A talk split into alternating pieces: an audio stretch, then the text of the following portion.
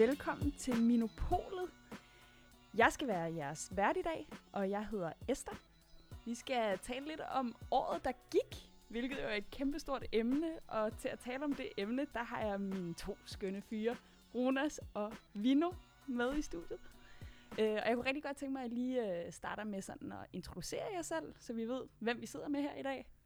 Yes, sir. Uh, ja, mit navn er Ronas, uh, 21 år, og studerer multimediedesign på KEA. Jeg laver fotografering ved siden af, og så er jeg halv kurder og halv dansker. Jamen, øh, jeg hedder Vino, og øh, jeg er oprindeligt fra Jylland. og Jeg sidder i bestyrelsen for min own København, og øh, jeg kan rigtig godt lide kage. Jeg sidder også i bestyrelsen sammen med Vino, og jeg har siddet der i længere tid end Vino. Det skal bare lige ses. Du er sej nok. Ja, præcis. Skide godt. Ja, jeg sidder der jo også. Yes, sir. Nå, men øh, vi skal jo tale om en masse spændende ting i dag. Øhm, og der er sket meget i det her år. Øhm, jeg kunne godt tænke mig, at vi starter ud med at tale om lidt, øh, lidt om corona, Mm. som vi jo uundgåeligt øh, Ja. har haft som et kæmpe emne i alle vores liv. Ikke? Ja, men er syg. Så øhm, jeg kunne godt tænke mig, at vi starter lidt med at høre, hvad, hvordan har det været for jer at leve i et år, Mm. hvor en global pand- øh, pandemi ligesom har domineret vores liv? Det var rigtig, øh, det var rigtig lærerigt. Altså, øh, jeg flyttede til København her starten af marts. Jeg nåede lige at arbejde fysisk øh, to uger, og så blev jeg sendt hjemmefra. Og så øh, har jeg arbejdet hjemme siden, faktisk. Øh, ikke rigtig været på kontoret. Og så det har været noget af en omvæltning. Øh, nyt arbejde, ny lejlighed, ny bil, øh, og tilpasse sig, sig de ting. Øh, men det har været spændende, og, og jeg er virkelig vokset som menneske i, mm. I den her rejse. Mm. 100 procent. Jeg synes også, at man har... Jeg tror, det gælder for de fleste mennesker, de faktisk har vokset en del med det her. Mm. Øhm, man skal jo til lige pludselig at tage forhold til så mange nye ting, man ikke har prøvet før. Mm. Øhm, og ligesom omstille hele sin hverdag på en helt ny måde, ikke? Øhm, med så mange nye restriktioner, og du ved, det er en helt ny, helt ny tilgang, man skal næsten tage til livet på en eller anden Ja. måde, ikke? Men det er meget det samme, som vi nu også siger. Altså, jeg synes, at øhm, det var meget svært i starten på en eller anden måde, at øh, skulle vide, hvordan man skulle håndtere det på en eller anden måde. Altså, fordi at så nu, okay, folk tog lidt pis på det til at starte med, og var sådan, jamen, det er jo bare lige noget over i Kina, du ved, det kommer ikke hen til Danmark. Og så efter der rammer den der skiferie, og det var, kommer her til, og så var det dagen. det, var, det var sådan virkelig, wow, okay, nu er vi her, ikke? Uh, og du ved, jeg kan bare huske også, at jeg har fulgt med i forskellige podcasts, hvor de også har snakket om, okay, nu er vi i dag 5 i corona, nu er det dag 23, nu er vi på dag 49, og så sådan, da de har ramt 100, var de også bare sådan, okay, der er ingen grund til at tælle mere, fordi det bliver bare ved det her, ikke? Ja. Um, men altså, vi er kommet ind i det nu, og nu er det jo bare blevet til hverdag, Mm. uheldigvis. Og vi håber jo selvfølgelig, at det ændrer sig snart, men altså, Ja. folk har vendt sig til det jo. Ja, jeg læste også, at der er rigtig mange, der er blevet ensomme og er blevet, hvad skal man sige, ulykkelige igennem krisen. Men noget, jeg indså, det er bare, hvor mange gode mennesker jeg har omkring mig. Mm. Altså folk, der har ragt ud til mig og, og virkelig været gode til at holde øh, kontakten med mig. Øh, det synes jeg har, har været inspirerende. Ja. Mm. Jeg tænker også, jeg lyttede til en Zetland-artikel i dag, mm. Hvor øh, de taler rigtig meget om, hvor, hvad, hvad, har, hvad har man at være taknemmelig over for øh, i 2020. Og jeg synes, det var rigtig dejligt, fordi det var sådan en positiv tilgang til det hele. Men på den anden side, så sad jeg også med den her følelse af, sådan, når man er også bare privilegeret, når man kan kigge tilbage på sådan et hårdt år, Præcis. og sige mm. de ting. Ikke? Ja. Fordi der er også rigtig mange, som du siger, Vino, der har oplevet en enorm ensomhed, mm. eller er blevet konfronteret med, med, med nogle ting i det her år. Så hvis vi måske lige skal tage sådan lidt øh, de, de triste briller på, Mm. fordi vi skal også anerkende, at der er noget hårdt Ja. i hele det her Mm. coronaliv. Så Mm. hvad, hvad tænker I har været det sværeste for jer? Jeg tror, nu ved jeg ikke, om det er det sværeste, men jeg tror, at det, som der sådan har ramt mig mest under pandemiens forløb, var da jeg hørte den første, jeg kendte, som havde mistet sin far.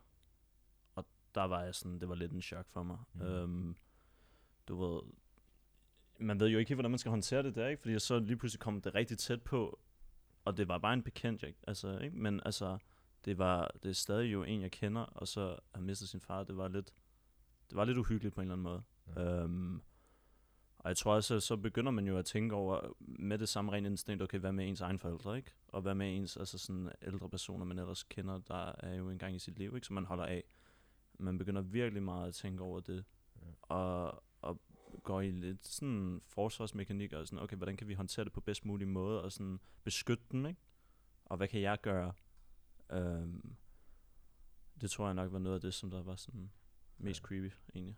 Så det der med, at man bliver på en eller anden måde Konfronteret. konfronteret med, ja. at, at det kan også gå ud over ens egen nærmeste. ja, ja, lige netop. Hvor, hvis det var en anden, så kunne det lige så godt være en selv. Ikke? Ja, lige præcis. Ja. Og det er Ja. det, jeg tror, der var bare sådan, det var, det, det var et kæmpe chok, som sagt. Ja. Øhm, jeg ved ikke, hvad med dig, Vino? Hvad tænker du? Jeg tror ikke, det er lige så nært, som det eksempel, du nævner, men Mm. øh, det, der var hårdest for mig, det var, da jeg flyttede til København, mm. og, og coronakrisen lige var noget hertil, og vi var i lockdown. Øh, det var den usikkerhed. Så jeg kunne se, at alle gaderne var stille, og folk turde ikke øh, gå ud, og lige pludselig gik folk bare amok med at hamstre toiletpapir og sådan nogle ting. så, så man kunne bare se, at folk, folk var full crazy der. Ej, men det var sygt, den der. også. Ja. Det var virkelig sygt. også bare, når man gik ned, og der bare var tømt Ja. ja. på alle hylder. Det er jo vildt, ikke? Men det er jo også sådan, det er jo, når folk bliver paranoide fuldstændig, ja. ikke? At, at de ændrer bare helt mindset. Ja. Og gør alt på instinkt, og så tænker jeg ikke rationelt over tingene på en eller anden måde. Det er det. Ja. Og det, det var skræmmende. Ja. Øh, og den usikkerhed i, altså hvad var den her sygdom? Øh, Hvordan kunne man blive smittet? Og ja, altså, det gik lige noget tid, før jeg lige skulle øh, ja, indse, hvad, hvad der var gang i. Hmm. Men jeg tænker også, det har været stort ligesom at flytte til København, Mhm. mm. og så rammer corona bare, boom! Ja. Altså, måske er det lidt personligt, men, mm. Men hvordan skaber man sig et netværk, og mm. hvordan kommer man ind i de københavnske rutiner? Ikke at de er særlig anderledes fra de Aarhus, aarhusianske, Jo, jo. men, Altså, I er sgu ret skøre i København. men altså, var det, var det ekstra, en ekstra udfordring, nu når du Øh, lige var flyttet? Eller? Nej, slet ikke. Altså, øh, jeg har været så heldig at møde jer blandt andet øh, i løbet af det her år, så det har jo hjulpet rigtig meget, øh, vi kunne hænge ud og, og lave øh, rav i den sammen. Og vi er nu også Mr. Worldwide, så han kender allerede nogle folk. You know right. og øh, ja, så, så har jeg heldigvis nogle øh, kammerater, som bor herovre. Øh, men det er også vigtigt, at man kan lære at være alene øh, og værdsætte det. Øh, det er sådan noget, jeg har synes har været rigtig fedt i øh, coronakrisen. Øh, det at gå ture alene, øh, lave mad alene, at man ikke hele tiden behøver at være sammen med folk hele tiden. Mm. mm-hmm. Så det skal man også prøve at tage med sig fra krisen. Helt klart. Ja. Ja.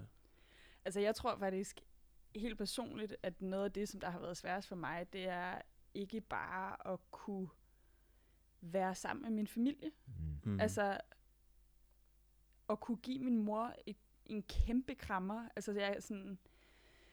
Det dirrede inde i mig ved tanken om, at jeg kunne gøre det igen. Øhm, så sådan den der nærhed, mm. sådan nærmest hudsult faktisk, Ja. øh, med folk, jeg kender, det har faktisk for mig været noget af det sværeste. Mm. Ja, jeg havde også godt hørt det begreb udsult Ja. en Mm. del gange egentlig af folk. Øhm, jeg tror også, i, altså, det har både været familie for mig, men også helt klart venner, ikke? Og de der, altså, ture ud, som man tog i weekenderne sammen med venner, det blev jo bare fuldstændig kottet, ikke? Det var ret mærkeligt også at skulle til at vende sig til det. Øhm, og også bare nu, at ens kreds bliver mindre, fordi at netop når man har bare været vant til, jamen, man kunne bare mødes kryds og tværs, når man enten tog ud, eller om det bare var omkring der, hvor man bor, eller sådan noget, så lige pludselig nu skulle du også åh, lige vente til, okay, du må jo ikke bare give hånden som normalt. Nu var det begyndt at være med den der albu og sådan noget. og Ja. Jeg ved ikke med dig, bror, men den der albu, jeg kan stadig tage den seriøst. altså, den er sådan virkelig kritisk, Ja. synes jeg. Du ved. Men, men det er jo, folk gør det jo igen af sikkerhedsmæssige årsager, så man kan godt forstå det. Men jeg er bare gået, du ved, hele vejen og bare givet sådan, altså nokkel, ikke? Hele vejen. Og så, så holder man stadig lidt den der kemi, der stadig var før. Fordi jeg føler, at det kan rigtig hurtigt blive det der, okay, nu er der bare igen ikke engang en eller to meter afstand. Det er bare 10 meter afstand fra dig, du ved. og vi skal ikke røre hinanden overhovedet. Hvor jeg er sådan lidt, vi bliver nødt til stadig at holde lidt den, den samme vibe, man altid har haft med hinanden, ikke? Fordi ellers, du ved, så bliver vi skøre. Vi bliver helt skøre i hovedet til sidst. Altså sådan, hvis det er, ikke? Og jeg tænker jo, vi sidder jo her og er alle sammen unge mennesker. Øh, og personligt så har jeg selvfølgelig også kunne mærke, altså vi, når man er ung, så er man jo man er fri, og man har lyst til at tage ud og drikke nogle øl Ja, med sine venner, eller tage på bryggen, eller så, altså, så videre, så videre. Mm. Og det har corona jo virkelig sat en stopper for. Jeg kan ikke Mm. huske, hvornår jeg sidst har været i byen og givet den gas på et dansegulv. Ja. Så sådan, det har også... Det, øh, hvad tænker I om det? Har, Altså- det, har det gjort Altså, noget ved det, jer? øh, det har jeg virkelig savnet. Det der med at tage ud og lave rav i den på et dansekon. Men, men jeg vil så også sige, at jeg nåede jo at se dig. Altså, der var jo lige inden, at uh, barnet lukkede helt, og der var noget bachata-dans. oh. nu nu snakker du om ting, vi nok ikke skal komme for meget ind på. Og der var jeg heldig lige til Vino, men det er rigtigt jo. Ja, Ja. som du siger. Mm. Ja, du ved, hvordan det er med mig og, og dans. Bro. Jeg kan afsløre, at de er nogle dansemus begge to. Halla. Så øh, jeg siger ikke nej, hvis der er nogle søde kvinder i nærheden. God damn. Øh, Vino, det var okay, ligesom Vino. sidste gang med Satya. Mm. Det er en skam, hun ikke er i lokalet. ja, skud til Satya. Men, drengen, altså corona må også have lært os et eller andet. Altså, har det, har det givet jer noget perspektiv? Ja. Hvad tager I med fra det her år? Jeg tror, at noget af det, jeg tager allermest fra året, er selvfølgelig klart de her ting, vi nu har kommet lidt ind på, er at værdsætte hinanden, ikke? Og virkelig sætte pris på ens familie og venner. Øhm, men det er ret sjovt, jeg har det egentlig også som om, at jeg egentlig er kommet tættere på folk, trods omstændighederne.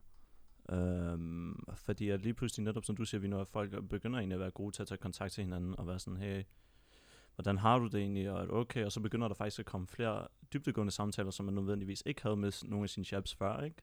Eller veninder, eller hvad det kan være. Altså sådan, og det er egentlig meget rart, på en eller anden måde, at kunne, kunne øh, gå ind i mere i detaljer, og så forklare, okay, hvordan man egentlig går og har det egentlig her på tiden, ikke? Fordi at netop så vi kan indgå, eller undgå de ting, som du siger, vi nu omkring med ensomhed, som der har fyldt rigtig meget, ikke? Hos folk, fordi at i sidste ende, så er mental helbred jo også noget af det vigtigste, man skal sætte fokus på, ikke? Og det synes jeg også helt klart, der har været meget stor fokus heldigvis på i år også, ikke? Preach. Ja. Vino? Jeg tror, jeg har lært en, øh, en del ting. Altså, både omkring mig selv og andre mennesker. Så hvad jeg er i stand til. Ligesom du siger, det der med at kunne flytte til en anden by, og så under en pandemi, hvordan man skal håndtere det. Øh, og hvis man kan komme igennem sådan nogle ting der, så kan man komme igennem meget. Mm. Fedt. Men altså, jeg tror, alle øh, også er lidt trætte af at høre om corona. Ja. Så jeg synes også, vi kan gå lidt ned i, hvad der ellers er sket i år. Ja. Yes, sir. Og en af de store ting, der er sket, det er jo, at Mino Ung, København og Aarhus Åh, er kommet på banen. og det, for mig at se, har det været en af de største ting i mit liv. Det har skabt øh, et kæmpe fællesskab og. Mm. et sted at høre til for mig, og et Mm. sted, hvor jeg kunne blive, altså, jeg kunne spejle mig selv i rigtig mange. Så jeg kunne rigtig godt tænke, jer, øh, tænke mig at høre, hvad har det, at Mino Ung er blevet skabt, hvad har det betydet for jer? Jeg tror, for mit vedkommende, der var det virkelig, virkelig stort. Mm. Øhm, nu havde jeg lavet noget arbejde for Minu Danmark, inden at der var noget, der hed Minu Ung. Så da jeg blev introduceret til det, og der var det her frivillige møde der tilbage i, øh, ja, da vi havde det i februar eller sådan noget, øh, om at der skulle blive lavet en ny bestyrelse, altså det var noget af det største, tror jeg faktisk også. Fordi det er netop det, du kommer ind og siger, at, det, at, at man finder et fællesskab, der er så mange, man kan reflektere, eller se sig selv i, og spejle sig i. Øhm, og jeg har det bare, altså det har jeg sagt flere gange til jer andre også, men det er jo bare en stor familie. Altså sådan, og nu er det ikke for at lyde cringe eller noget, men det er altså sådan virkelig et fællesskab, som jeg ikke har prøvet før, af folk, hvor man bare klinger med det samme. Hvor der bare er en god vibe, hvor man kunne være frit den person, man gerne vil være, og sådan bare udtrykke sig og sine holdninger og meninger, og så kan de diskussioner blive taget, men det vil aldrig være der. Jeg tror stadig til den dag, at vi ikke har haft nogen skænderier. Altså det er vidderligt bare diskussioner, hvor at man så går og pingponger frem og tilbage og har en dialog, og så re- respekterer man altid hinanden med en god tone hele vejen igennem. Og det er det vigtigste, du ved, det er med at respektere hinanden som mennesker. Ja. Og ikke bare kigge på vores hudfarver eller raser eller baggrund, men vi er jo alle sammen bare respekterer hinanden, fordi vi er alle sammen er mennesker i sidste ende, ikke? Øhm, og fedt at bare møde nogle altså, nye venner også, ikke? Jeg føler også, at jeg har kendt jer i meget længere tid, og det er lidt skræmmende, at jeg faktisk ikke kan kende jer i længere tid. ja, det er også det, det er det. Hvad med for dig, Vino? Hvad har Mino Ung-skabelsen betydet? Jeg synes, det har været rigtig fedt. Altså, jeg var med til at starte øh, min unge Aarhus op, og så flyttede jeg til København. Øhm, ja, og så var jeg jo med på den her sommertur, hvor jeg kunne se øh, forskellen mellem begge lejre. jeg kunne bare se, at altså, København, der, der var fuld rav i. jeg tænkte, der så jeg, det, det er der, jeg hørte til. Du tænkte, du tænkte ham der. Ham der, hende der. ja, altså, det har været sygt fedt, altså. Jeg er blevet taget godt imod, og jeg har ikke kunne mærke, at jeg var den nye i, i klassen. Mm. Øh, og også kunne, kunne prikke til folk og, og diskutere omkring forskellige ev- øh, emner, og stadigvæk blive respekteret på den måde. Det, det synes jeg er fedt. Mm. Dejligt. Jeg kunne godt tænke mig at høre jer lidt om, hvad synes I egentlig er det største, sådan Mino Ung København har opnået i år? Jeg vil sige nok, at det største, vi har oplevet, er selvfølgelig at komme i gang med alle de projekter, vi nu kører fuldt hårdt på, ikke? Um, som I også skal følge med på vores uh, Instagram-profil. Um, men hvis I også går helt tilbage der, ned til starten, så holdt vi jo faktisk et, uh, et frivilligt møde jo. Ja. Uh, ikke det første, jeg snakker om, men det er faktisk et, der kom senere i august, tror jeg nok det var. Um, hvor vi var jo trods corona, øh, 50, der kom og deltog, eller sådan noget, eller 40 mennesker, der deltog. Og det var bare så fedt at se så mange nye ansigter, hvor vi alle sammen kunne stå op på scenen, og vi var sådan noget, også i bestyrelsen, vi var 13 mennesker og sådan noget, og så kunne alle sammen stå sammen, og ligesom bare fortælle om alle de fede ting, vi havde i vente, og hvad vores planer var, fremtidsplaner, og hvad vi havde opnået indtil videre, bare ved at have de her små møder, vi havde kørt øh, i starten over Teams og Zoom, men så videre nu til fysiske møder, ikke? Um, det synes jeg var virkelig fedt. Mm. Virkelig stort højdepunkt faktisk for os. Så jeg det er tror... faktisk det her med, at, at vi har fået en masse frivillige og kunne samle ja. flere end bare en lille bestyrelse. Men ikke? det er jo også fordi vi så, og det håber jeg jo også kan ske via den her podcast, at vi ligesom kan fortælle og, eller fortælle, og så også bare vise folk, hvem vi er på en eller anden måde, ikke? Altså, hvad det er, vi står indenfor. Ja. Og ligesom vise folk på det her, det her det er et fedt fællesskab, hvor vi faktisk bare har brug for så meget støtte som muligt af folk, fordi at jo større det bliver, jo mere kan vi ændre på i samfundet også i sidste ende, ikke? Um, og så tror jeg også, det var, at det blev kollideret lidt med, da vi så holdt i sommers ja. uh, en lejetur, hvor vi så var over, hvor jeg mødte blandt andet Vino for første gang. Hvor vi ja. fik vores liv ændret. Ja. 100 procent. rav i den. Så kom Barbushin i billedet. Og så. hvad, hvad synes du er noget af det største, vi har opnået? Jeg tror, det er det her fællesskab. Altså øh, den dynamik, vi har. Vi har skabt et rigtig godt fundament, hmm. og vi har en øh, respekt for hinanden. Så uanset køn og, og baggrund, det synes jeg er rigtig vigtigt. Jeg tror også, de nye øh, frivillige, øh, specielt vores øh, seje lydkvinde, de har kunne se, vi har det rigtig sjovt sammen. Og, og det skal vi bare holde fast i. Helt sikkert. Det skal vi. Og jeg, det kan ikke, altså jeg kan ikke lade være med at tænke over, at noget det I begge to nævner, det er faktisk, at øh, vi har fået skabt et fællesskab, hvilket på en eller anden måde står i kontrast til hele coronatiden, ikke? hvor Indeed. vi altså hele det her sammen hver for sig. Ja.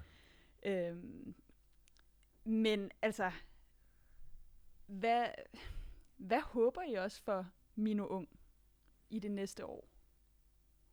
Altså, øh, jeg tænker, at det er noget, som bliver ved med at vokse. Øh, både i antal af medlemmer, men også hvad skal man sige, på et større plan, hvor vi kommer op på større medier med i debatter og, og skaber vores aftryk. Altså oftest, når der er en diskussion i forhold til øh, udlænding, så er det to ekstremer. Så det er måske DF eller en øh, radikal, religiøs, religiøs person. Og der tænker jeg, at vi kan komme ind og, og nuancere den debat. Så der har manglet et sted, ja. som, eller en, en gruppe som Mino Ung. Præcis. Er, er det det, du siger? Ja. ja. Jeg tror også bare, at det er tid nu også, at unge og den nye generation også bare ved, at der findes de her fællesskaber, fordi at det er jo nogle af de fællesskaber, jeg blandt andet også har opsøgt, siden jeg var helt lille, ikke? Mm. At finde det der midterpunkt, så man ikke bare kun skulle for eksempel være sammen med sine danske venner, eller man skulle være sammen med sine chaps, altså sådan det der med, at man finder netop midterpunktet, ikke? Og så sådan, at der er flere end bare en selv. Ja.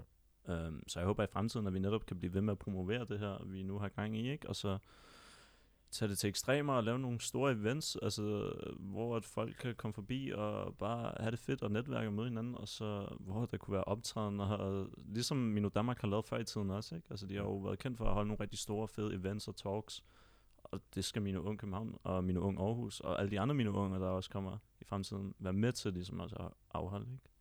Det er noget, jeg håber i hvert fald, der kan ske. Måske i 2021. Ja, ja selvfølgelig i 2021. Jeg, jeg tænker også selv, at, at det her fællesskab, som vi har fået skabt i en ret svær tid, kan gøre en kæmpe forskel for andre unge mennesker. Altså, jeg tror aldrig, jeg har haft et år, hvor jeg har rykket mig så meget personligt i forhold til min egen minoritetsbaggrund. Mm. Altså, hvor jeg har fundet ud af små dele af mig selv gennem jer. Øhm. Kan du give nogle eksempler? Åh, oh, nu er det dig, der interviewer ja. mig. det skulle ikke være nemt. Oh, oh. Jeg tror bare sådan, det at få et sprog for øh, den splittelse, jeg oplever som halv israeler og halv dansker. Altså, at, at det er helt reelt, at jeg oplever, at jeg står med et ben i hver lejr, i stedet for at tænke, fuck, det er bare mig, der er underlig. At jeg ligesom har gået ind og øh, nogle gange hørt på jeres historie, øh, og så er jeg sådan, har, altså, har I været inde i mine tanker? Fordi det er min historie, det der. Det er mine oplevelser, det er mine Mm. følelser. Og det, at jeg er blevet, altså, jeg har kunne spejle mig på den måde, har også gjort, at jeg har kunne gå ud til dem, som jeg ikke har kunne fortælle det om, eller fortælle om det, og sige, hey, prøv at venner, det er faktisk sådan her, jeg har det.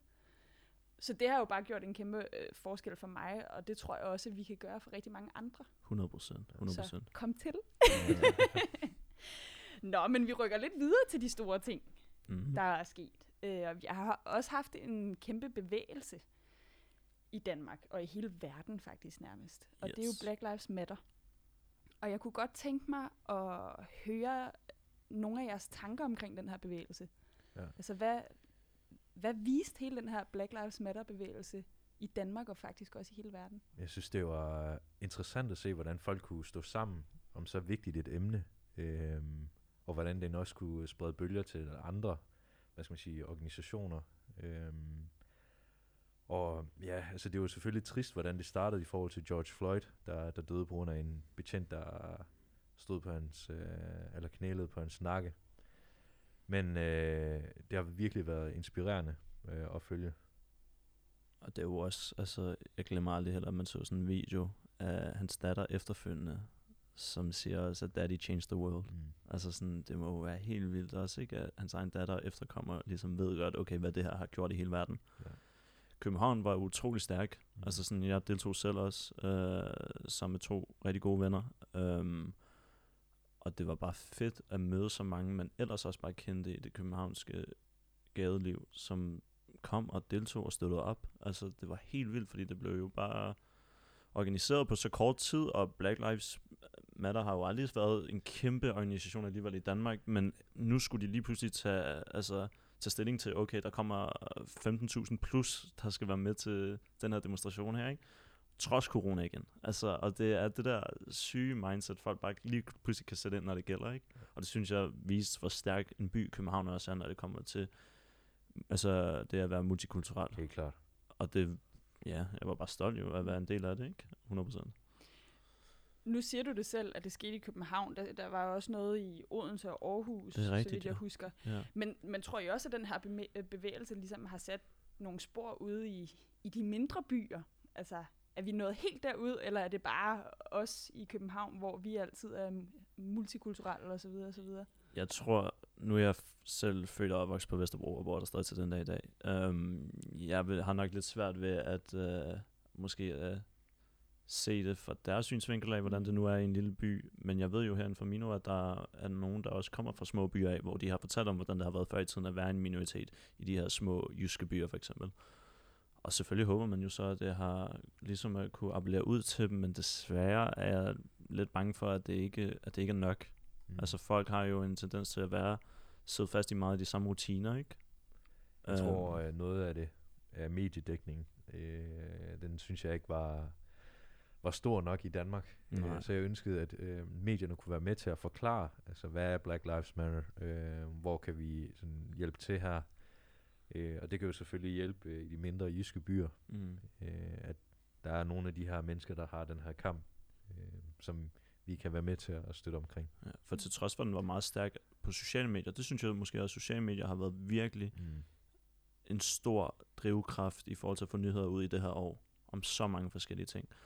Og der tror jeg måske, den godt havde kunne ramme nogen, lad os sige, en, øh, en søn eller en datter i en jysk familie Ja. ude på landet. Der har det måske ramt dem, men deres forældre er jo stadig dem, der også skal rammes, ikke? Altså, den ældre generation skal også være med der. Og Ja, hvis de ikke får alle deres nyheder netop fra Instagram eller Facebook hele tiden, Ja. så, så er det jo vigtigt, at øh, vores danske medier også kommer ud og ligesom sætter fokus på det her, ikke? Jeg tænker også, det er en ældre generation, vi skal være med til at ændre.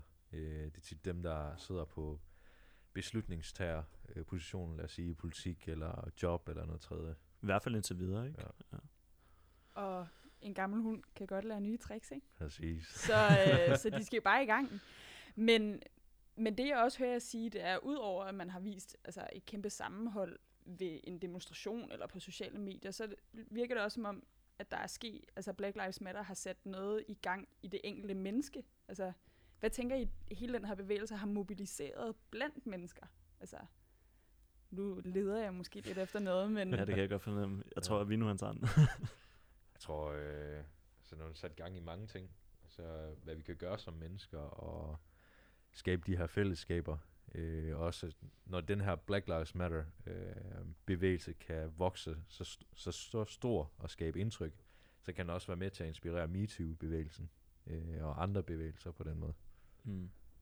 Og det, det, jeg måske fisker lidt efter, som du også lidt siger, altså det er måske også, at det har sat gang i selve snakken. Altså, om det. Ja. Altså, nu, nu tager vi sgu den her snak. Ja. Hvordan har du det? Og den er også en relevant snak, som der jo altid skulle tages. Og det er en snak, der har burde været der for lang tid siden også, ikke? Ja. Og det er jo, altså, en eller anden form for disgrace, at den først kommer nu på en eller anden måde, ikke? Men Bestemt. i det mindste, så kommer den. Ja. Og det er jo bare fedt, at der endelig igen sat fokus på sådan nogle her ting. Altså, det er jo utrolig vigtigt, at det netop kan forudse, at det ikke bliver ved med at være det samme i de kommende generationer også, ikke? Men man kan jo også sidde her og blive lidt nervøs. Altså, så mødtes vi alle sammen øh, 15.000, og vi stod sammen, og der var en masse på de sociale medier. Men har det, altså, hænger det ved? Kan vi finde ud af at bære det her videre i praksis også? Det er faktisk et rigtig, rigtig godt spørgsmål, du stiller, Mm. Esther. Fordi øhm, nogle gange så bliver de her øh, bevægelser i en fase. Altså, der er jo rigtig mange, der postede de her sorte billeder på Instagram, eller lavet et hashtag. Men jeg tror også, det er vigtigt at implementere i dagligdagen eller politisk, og det er der udfordringen er. Altså, vi kommer til at skulle bruge penge på det her. Øh, rigtig mange politikere tager nok ikke det her seriøst, fordi de skal bruge tid og, og penge på at lave de her ændringer. Øh, og det er lidt det, jeg håber for øh, den her bevægelse.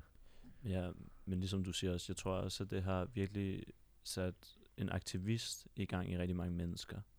Øhm, jeg kan huske noget tid efter også øh, demonstrationen der, så var jeg også øh, med til faktisk en demonstration på Rådspladsen omkring øh, eksplosionerne, der skete i Beirut øh, i Libanon. Fordi jeg følte også, det var det rigtige netop at komme og støtte op der, fordi at det kan godt være, at Black Lives Matter er også en rigtig vigtig sag, men der sker også andre ting ude i verden, som vi bliver nødt til at sætte fokus på. Og der var jeg også hurtigt til at tage fat i mine libanesiske venner, og så gå derned og støtte op om der, fordi igen, altså vi skal jo, hvis du er aktivist, så er du også aktivist på alle punkter og alle aspekter.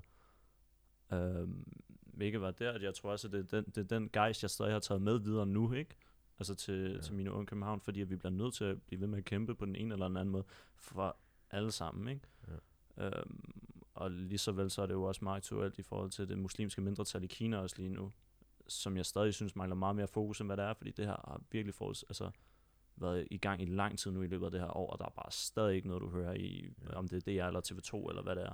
Ja, altså det er igen, jeg tror de større medier øh, prioriterer lidt deres sager, altså hvad, hvad de kan få ud af det, og hvad er relevant for dem. Mm. Øh, altså ligesom øh, landmændene i Indien, øh, som også demonstrerer for, for bedre rettigheder. Præcis, ja. Det hører man slet ikke om. Mm. Øh, og det er en af de største demonstrationer, som har været i, i nyere tid. Mm. Øh, så man skal ikke undervurdere øh, mediernes øh, magt og påvirkning.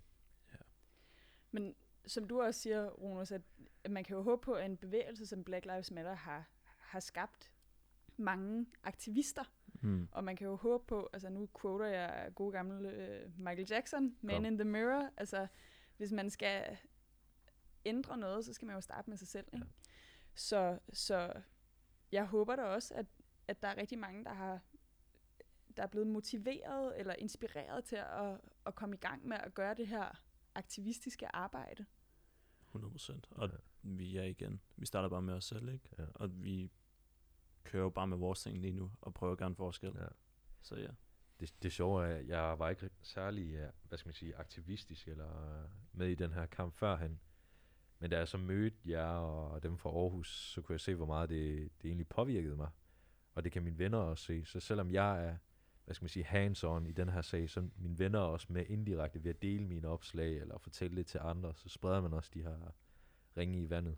Lige præcis. Jeg har også oplevet samme støtte fra rigtig mange venner også, hvilket jeg synes er bare altså, fucking fedt. Ja. Du ved. Helt klart. At de også netop går op i det, jeg går rundt og laver, Ja. og så har lyst til at støtte de her små projekter, vi kører, ikke? Ja. Det er super fedt. det, jeg synes, det er skønt at, altså, at skabe ringe i, i vandet, er jo noget af det, det fineste, ikke? Og det er det, hvis vi tager samtalen, så kan det godt være, at vi ikke kan mærke forskellen lige her og nu, men det, altså, det spreder sig. Ja. Så, øhm, så det er jo et begivenhedsrigt år. Altså, jeg synes, det er svært, for jeg har lyst til at dykke ind i alverdens ting øh, i løbet af det her år.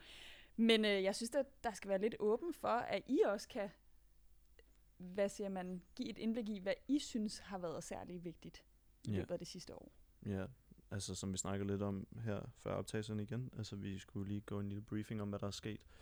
Noget, som der bare øh, poppede op i mit hoved, var i forhold til de tab, der nu engang har været i det her år, og det er blandt andet i forhold til Kobe Bryant, som tragiskvis mistede sit liv jo i den her helikopterulykke med sin datter og Ja. andre passagerer. Um, og så samtidig Chadwick Boseman, som Mm. folk kender nok fra at spille hovedrollen i Black Panther. Ja.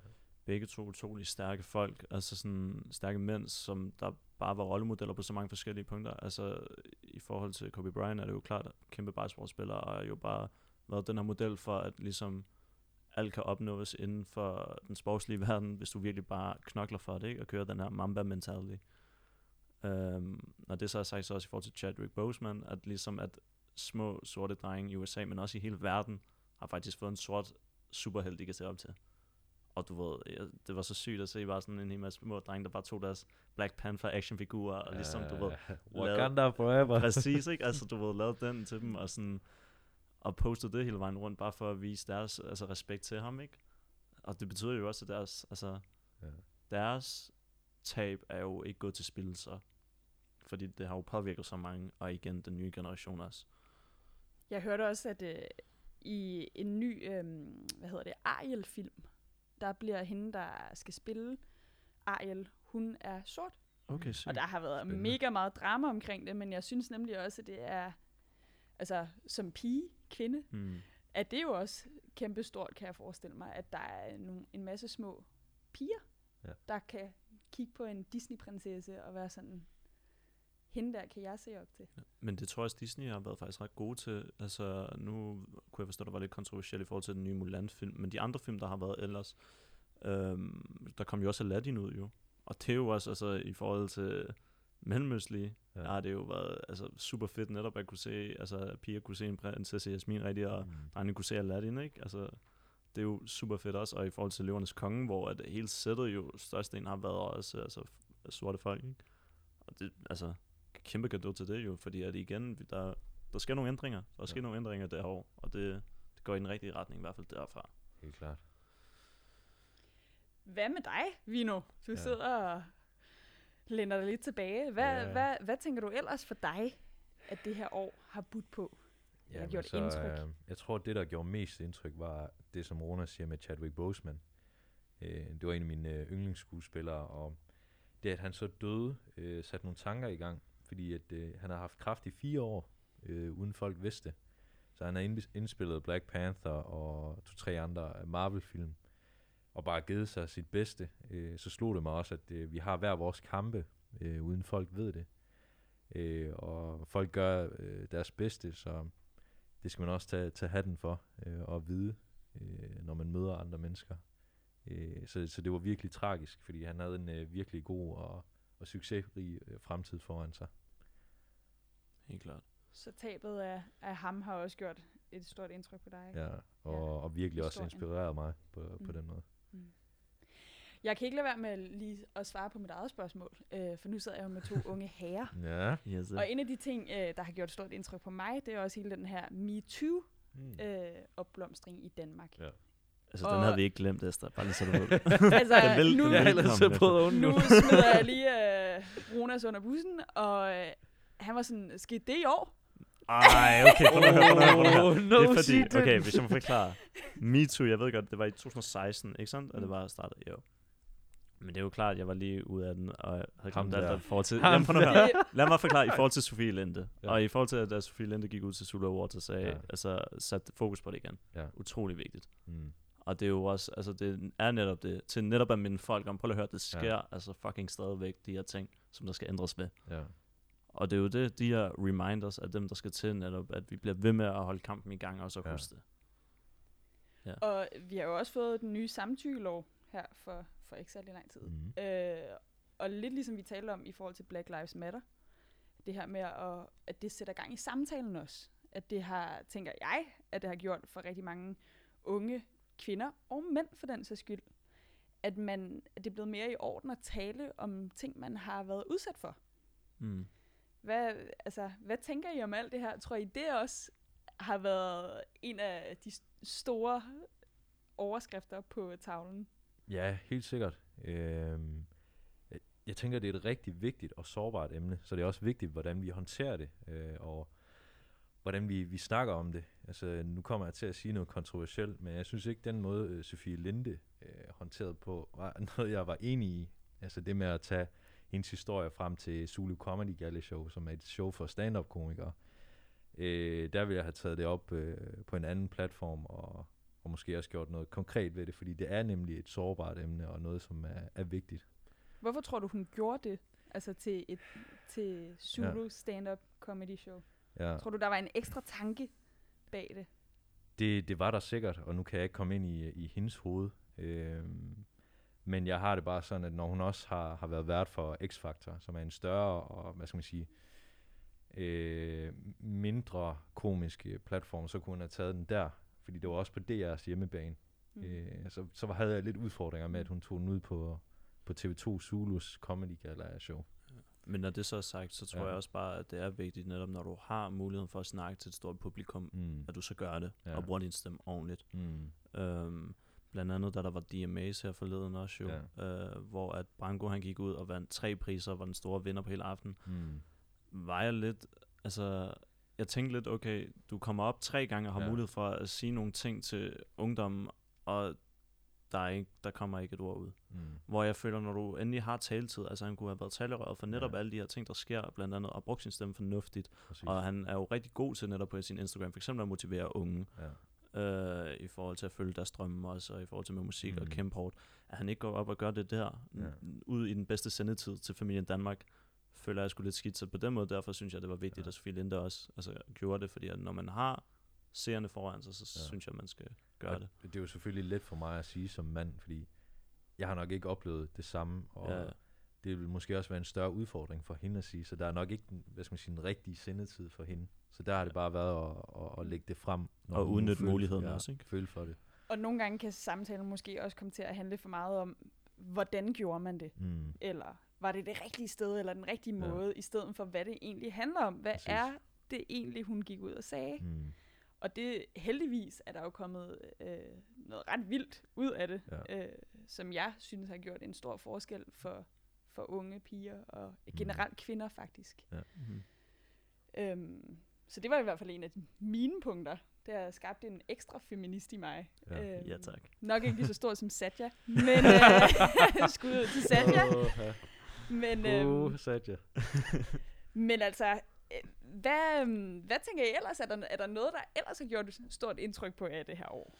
Om det er i Danmark eller i andre lande, eller Ja. noget personligt kan det jo også godt være. Mm, altså, jeg kunne godt lide, hvordan folk begyndte at være ret kreative i løbet af netop af det her stadig prøve at være sammen til trods for afstanden. Øhm, instruktøren Jonas Risvig, som blandt andet har lavet serien Centrum, mm. endte faktisk med at sende nogle masterclasses, kaldte han det, over Instagram Live, hvilket var utrolig fedt at følge med i, fordi ja. han fik stort set alle altså, kendte danskere, om det så var skuespillere, rapper, musikere, øh, kokke, jeg ved ikke hvad. Altså, folk kom ind, og så fortalte de deres historie bare i en times tid, og så kunne du bare følge med på Instagram Live Mm. og bare hygge dig. Og der er rigtig mange, der har været gode til at bruge netop Instagram Live til de her ting, til at kunne entertain folk stadig ved at være der. Og lige pludselig så man også noget som Tory Lanez, der yeah. lavede øh, kæmpe show sådan der på Instagram, hvor han også bare, jeg tror han har endt med at ramme tallet for allerflest seere på en Instagram Live nogensinde. Du ved, folk, Ja. folk gik virkelig til de sociale medier og bare brugte det ordentligt. Mm. Jeg har også taget mig selv i at sidde på Bornholm med nogle af mine veninder med en øh, drink i hånden og synge øh, fællessang på DR. Nå ja, mand. Det var, og, og jeg tænkte, det, det vil jeg aldrig, jeg vil aldrig blive den type, men det var sgu skide hyggeligt. Ja. Så sad man lige og sang øh, Medina, øh, og der var simpelthen en karaoke-tekst på og det hele. Jeg, jeg tror, det, øh, som jeg synes var, var sjovest, var Melvin Kakusas live show. Oh, ja, mand. på Instagram. Og Ja. men jeg tror ikke, man skal undervurdere ham og, og hans initiativer, fordi det var både sjovt, men det gør også meget, at en, øh, en mørk fyr er så meget på Instagram og medierne. Det skaber et øh, meget positivt indtryk for major- majoriteten. Mm. Mm. Så man behøver ikke at være aktivist direkte med, med de ting, vi for eksempel laver, men også indirekte. Øh, et godt eksempel er for eksempel Eddie Murphy i, i 80'erne, som var med til at skabe flere roller for, for mørke mænd og kvinder. 100%. Og han var med til at hjælpe øh, rigtig mange mænd, der blev afvist på klubberne i 80'erne. Øh, og de fik slet ikke den mulighed for at ja, have det sjovt, som de har det i dag. Og man kan jo også sige med Melvin, altså den succes, han jo så har fået, Ja. også blandt andet med, det blev kickstartet også meget igennem den her live øh, til det store audience, er jo også, at han er lige blevet vært for X-Factor. Præcis. Ved- I stedet for Sofie Ja. Linde, der nu er gået på barsel, ikke? Ja. Men det er jo virkelig fedt for ham, at det kører sådan der virkelig Mm. godt med ham, ikke? Um, Men drenge, vi har jo kun nået øh, en brøkdel øh, omkring i 2020. ja, desværre. Og jeg har lyst til at tale meget længere tid med jer, men øh, folk bliver nok trætte af vores stemmer. men jeg kunne rigtig godt tænke mig ligesom at slutte af med at, øh, at høre, hvad I har af sådan drømme og håb for 2021. Fordi hvis ikke man drømmer, hvad gør man så, ikke? Ja. Jeg øh, håber, at vaccinationen går, som den skal. At vi øh, hurtigt kan komme tilbage til en øh, hverdag, hvor vi ikke skal frygte øh, folk, der bliver smittet, eller folk, som jeg får følger af, af smitten. Så det er lidt det, jeg håber for 2021. Ja, helt klart. At alle igen rundt om en har et godt helbred. Mm. Øhm, og alting bliver løst forhåbentlig, og man kan komme tilbage til den gamle hverdag, ikke? Ja. Der er rigtig mange, der opser det jo. Øhm, ja. Det er jo, altså det er jo også det er jo svært, fordi der jo, kan jo gå så mange tanker igennem hovedet på en, ikke? Om hvad det er, man drømmer. Man drømmer også bare om at igen at klare det godt stadig på studiet, komme igennem eksamener, altså sådan nogle smålige ting, men det er jo klart, når man skal kigge i det store, Ja. store perspektiv, så er det jo, at det her, det løser sig, ikke? Øhm, og folk bare bliver ved med at holde gejsen, og ja, omkring det her med aktivisme, at folk bliver ved med at kæmpe for de sager, de føler, der er vigtige, og folk støtter op om hinanden, og at folk kommer ind i København. Hvert fald også. Præcis. Promotion. Yes, sir. Så vil jeg også lige slutte af med at, at drømme lidt. Og jeg tror, jeg drømmer rigtig meget om, at vi husker at tage det med videre i 2021, som vi har lært i 2020. At vi ikke bare falder ind i en gammel hverdag, hvor det stresser ja, men at vi lige husker at stoppe op og sige, jamen, gud, hvad, hvad er det, vi har? Absolut. Helt og klart. hvor heldige er vi lige. Så øh, på min egen note vil jeg sige tak for, at I ville tale med mig i dag Selv tak. og gennemgå det her turbulente år. Og så vil jeg sige til jer lyttere, tak fordi I lyttede med. Øhm, Og tak for i år. Tak Ja. for at uh, støtte op om Mino igen. Ja. Vi sagde det også i sidste afsnit, men igen, alt hvad I kommer med af feedback og konstruktiv kritik og det hele, sætter vi utrolig meget pris på. Så igen, ja, følg os på Mino om København på Instagram. og så er Minopolet knivskarpt tilbage næste år med en masse spændende emner. Så vi håber, I vil lytte med Ja. næste år. God jul og rigtig godt nytår.